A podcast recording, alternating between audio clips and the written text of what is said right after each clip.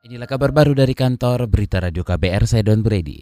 Kepolisian hingga hari ini masih belum menemukan Harun Masiku. Harun adalah politikus PDI Perjuangan tersangka suap penggantian anggota DPR melalui mekanisme penggantian antar waktu. Juru bicara Mabes Polri Argo Yuwono berdalih kepolisian telah mencari keberadaan Harun Masiku di rumah keluarga dan saudaranya. Argo memastikan segera menyerahkan buronan tersebut ke KPK jika sudah berhasil ditangkap. Semuanya tetap ya, tetap berjalan ya untuk kita memberikan bantuan untuk mencari DPO HM ya, kita tetap berjalan. Tentunya kita masih menunggu daripada tingkat Polres maupun Polda-Polda di wilayah sejauh mana untuk apakah sudah menemukan atau belum. Jadi sampai sekarang masih kita menunggu dari wilayah-wilayah yang memberikan informasi masukan kepada uh, tingkat pusat. Sebelumnya Harun Masiku diduga menyuap bekas komisioner KPU Wahyu Setiawan sebesar 600 juta. Suap itu diduga untuk menetapkannya sebagai anggota DPR terpilih melalui mekanisme PAW dan calon legislatif terpilih yakni Nazarudin Kimas meninggal. Sesuai undang-undang, posisinya digantikan Rizky Aprilia peraih suara terbanyak kedua.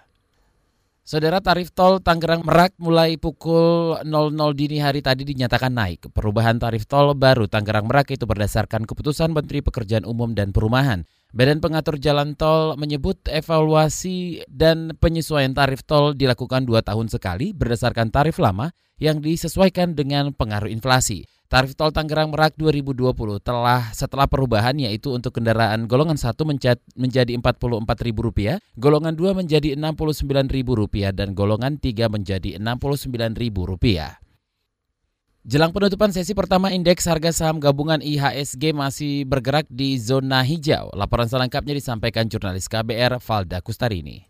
Saudara, jelang penutupan sesi pertama pasar spot Selasa 11 Februari di Bursa Efek Indonesia, indeks harga saham gabungan atau IHSG terus bergerak di zona hijau. Pada pukul 11 lewat 20, IHSG berada di level 5.954,64, menguat 2,5 poin atau 0,04 persen. Sebelumnya tadi pagi IHSG dibuka terapresiasi 0,19 persen atau 11,47 poin ke level 5.963,55. Sementara itu nilai tukar rupiah terhadap dolar Amerika Serikat siang ini berada di level 13.685 rupiah per dolar Amerika Serikat. Mata uang Garuda naik 10 poin atau 0,07 persen. Sepanjang perdagangan hari ini, rupiah melakukan tren positif dengan berada di zona hijau. Sebelumnya nilai tukar rupiah juga dibuka menguat 0,12 persen atau 17 poin ke level 13.695 per dolar Amerika Serikat. Dari Bursa Efek Indonesia, Valda Kustarini, KBR. Saudara Polrestra Pol Polresta maksud kami, Polresta Solo, Jawa Tengah belum menerima pengajuan izin terkait laga persahabatan antara Persis Solo melawan Persib Bandung. Laporan selengkapnya disampaikan kontributor KBR Yuda Satriawan. Polresta Solo menyatakan belum ada pengajuan izin penyelenggaraan laga Persis Solo melawan Persib Bandung di Stadion Manahan akhir pekan nanti. Kapolresta Solo Andi Rifai mengatakan batas waktu pengajuan izin tiga hari menjelang laga berlangsung. Menurut Andi, langkah tersebut untuk pemetaan pengamanan dan koordinasi dengan Pemkot Solo. Kan belum izinnya belum anu ya, karena stadion itu kan belum diserahkan. Ya, kalau kita kan terkait masalah nanti apa pemberitahuan dulu, misalkan itu kegiatan jadi dilaksanakan, nanti baru kita koordinasi terkait masalah pengamanan. Maksimalnya Hamin 3 itu sudah dilaporkan ke kita.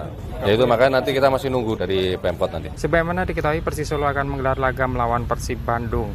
Laga tersebut sebagai bentuk perayaan 15 tahun berdirinya supporter Persis Solo Pasupati. Penjualan tiket melalui media sosial dan online laga tersebut sudah dilakukan. Sementara itu Stadion Manan tempat laga itu saat ini masih di tangan Kementerian PUPR dan belum diserahkan ke Pemkot Solo. Stadion yang baru saja selesai direnovasi ini memakan biaya 317 miliar rupiah dan akan menjadi venue laga Piala Dunia U20 tahun 2021 mendatang. Dari Solo, Jawa Tengah, Yuda Satirawan, KBR. Demikian kabar baru dari kantor Berita Radio KBR, saya Don Brady.